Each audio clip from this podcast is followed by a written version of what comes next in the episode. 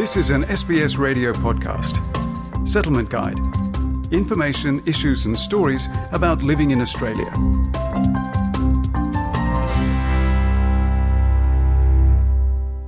SBS acknowledges the traditional custodians of country and their connections and continuous care for the skies, lands, and waterways across Australia.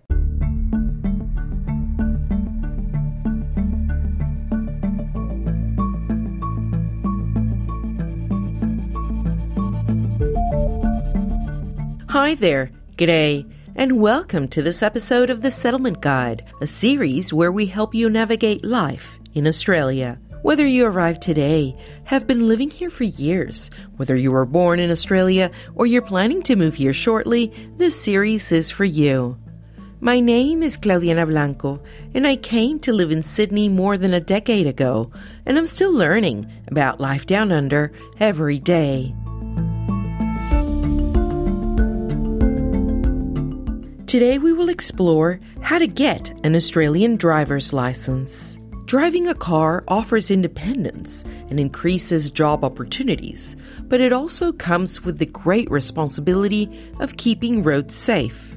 In Australia, drivers need to pass several assessments before they become fully licensed. Migrants may be eligible to convert their overseas license to an Australian one through an abridged process but this depends on their personal circumstances. The steps that you need to take will depend on the country that you've come from, so where your license has been issued, how long you held it for, uh, and then also the um, what the licensing system is like in the country that you've come from. Let's get started.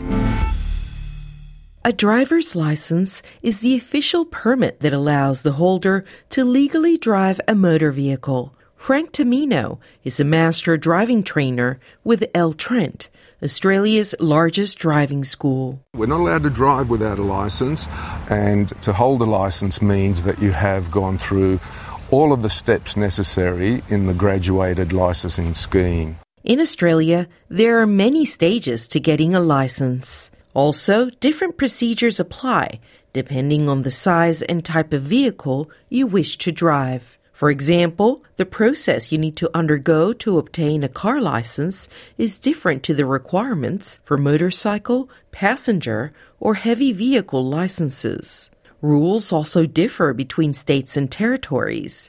However, there are many similarities across jurisdictions.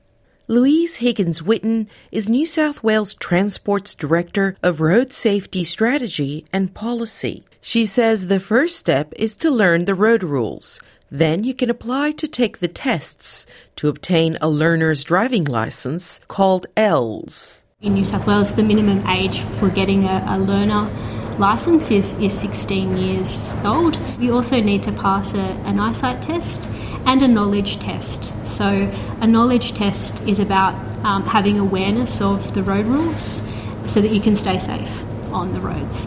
The L license allows you to practice driving a vehicle while supervised. You always need to have an Australian licensed driver sitting next to you and supervising you while you're in the vehicle. You also need to display an L plate on the outside of uh, your vehicle. No drinking of alcohol before you drive. You need to have a blood alcohol concentration of zero. Uh, and there are also other rules and requirements that can apply, including uh, speed limits, um, and mobile phone use is banned when you're uh, on your L's.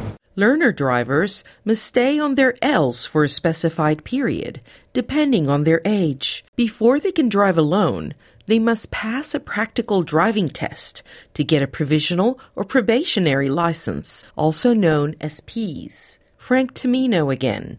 You can buy some driving lessons and make sure that a professional trainer takes you through the most important aspects of building a solid foundation, learning the correct driving techniques, and building on that foundation. Migrants must convert their overseas license to an Australian one to drive legally. Louise Higgins Witten says the process differs depending on a list of factors. The steps that you need to take will depend on the country that you've come from, so where your license has been issued, how long you held it for, and then also what the licensing system is like in the country that you've come from. If you come from a country where the licensing system is very different, you'll often be required to do additional tests, and those tests may vary depending on which country you've come from and which type of license you'll be moving to. In some cases, if you hold a valid overseas license you wish to convert to a full Australian license,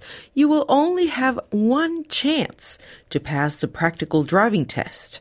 If you fail, you will be issued an L license. Mr. Tumino says people who learned how to drive in other countries may need special coaching to pass the tests.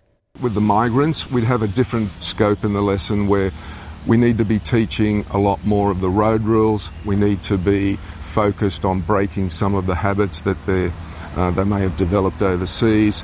The very fact that we're driving on the left side of the road is a major challenge in this country. While on your P's, you still cannot drink alcohol before driving, and you must keep to specific speed restrictions. Before you can advance to the full license, you may also need to pass a hazards perceptions test to prove you recognize potential dangers. Although some restrictions ease once you're a fully licensed driver, you still must follow all road rules. Infringements may lead to big fines, license suspension, or cancellation. We are a very heavily regulated country. There are heavy penalties for speeding, for driving under the influence. Several community and settlement services organizations across Australia offer free or low cost driving programs, especially designed for refugees and migrants.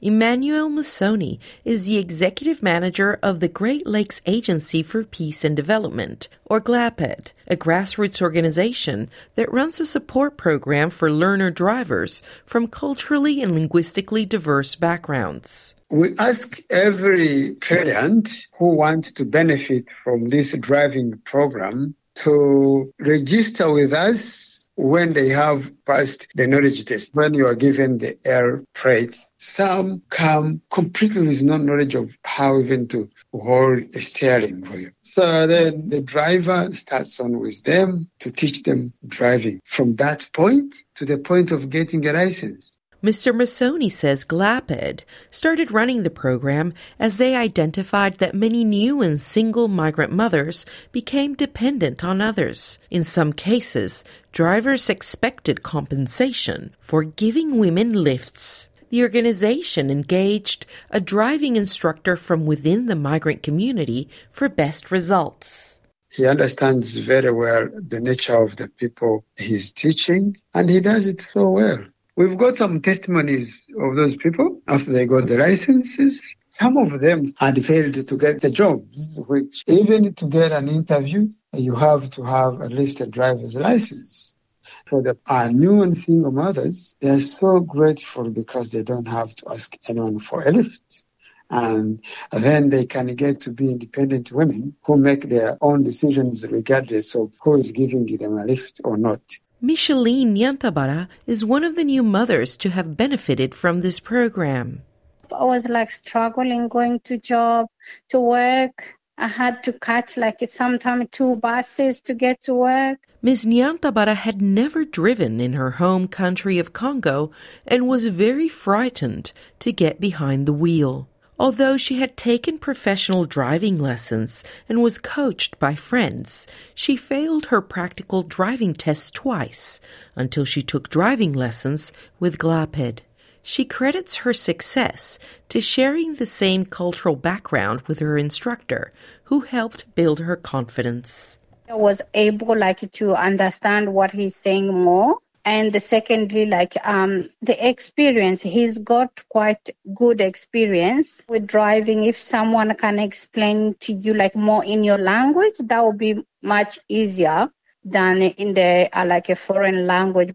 She says obtaining her license has changed her life and her son's Now I can go wherever I have to go because I have also a toddler. Before it used to be hard because I had, even if, if I want to take him to the park somewhere far from our house, I have to catch buses it was so hard and you have to wait outside. But now I have my own car. It's very easy to get to work. It's very easy to take my son out. It makes life really easy, especially I think for a woman who has um, kids. Ms. Nyantabara encourages other women to overcome their fear of driving as the reward is transformative. It can be quite scary, but um, when you get your license, you don't think about what happened before because that changed your life. Thank you for listening to this episode of The Settlement Guide, written and produced by me, Claudiana Blanco. The Settlement Guide managing editor is Rosa Germian. Until next time.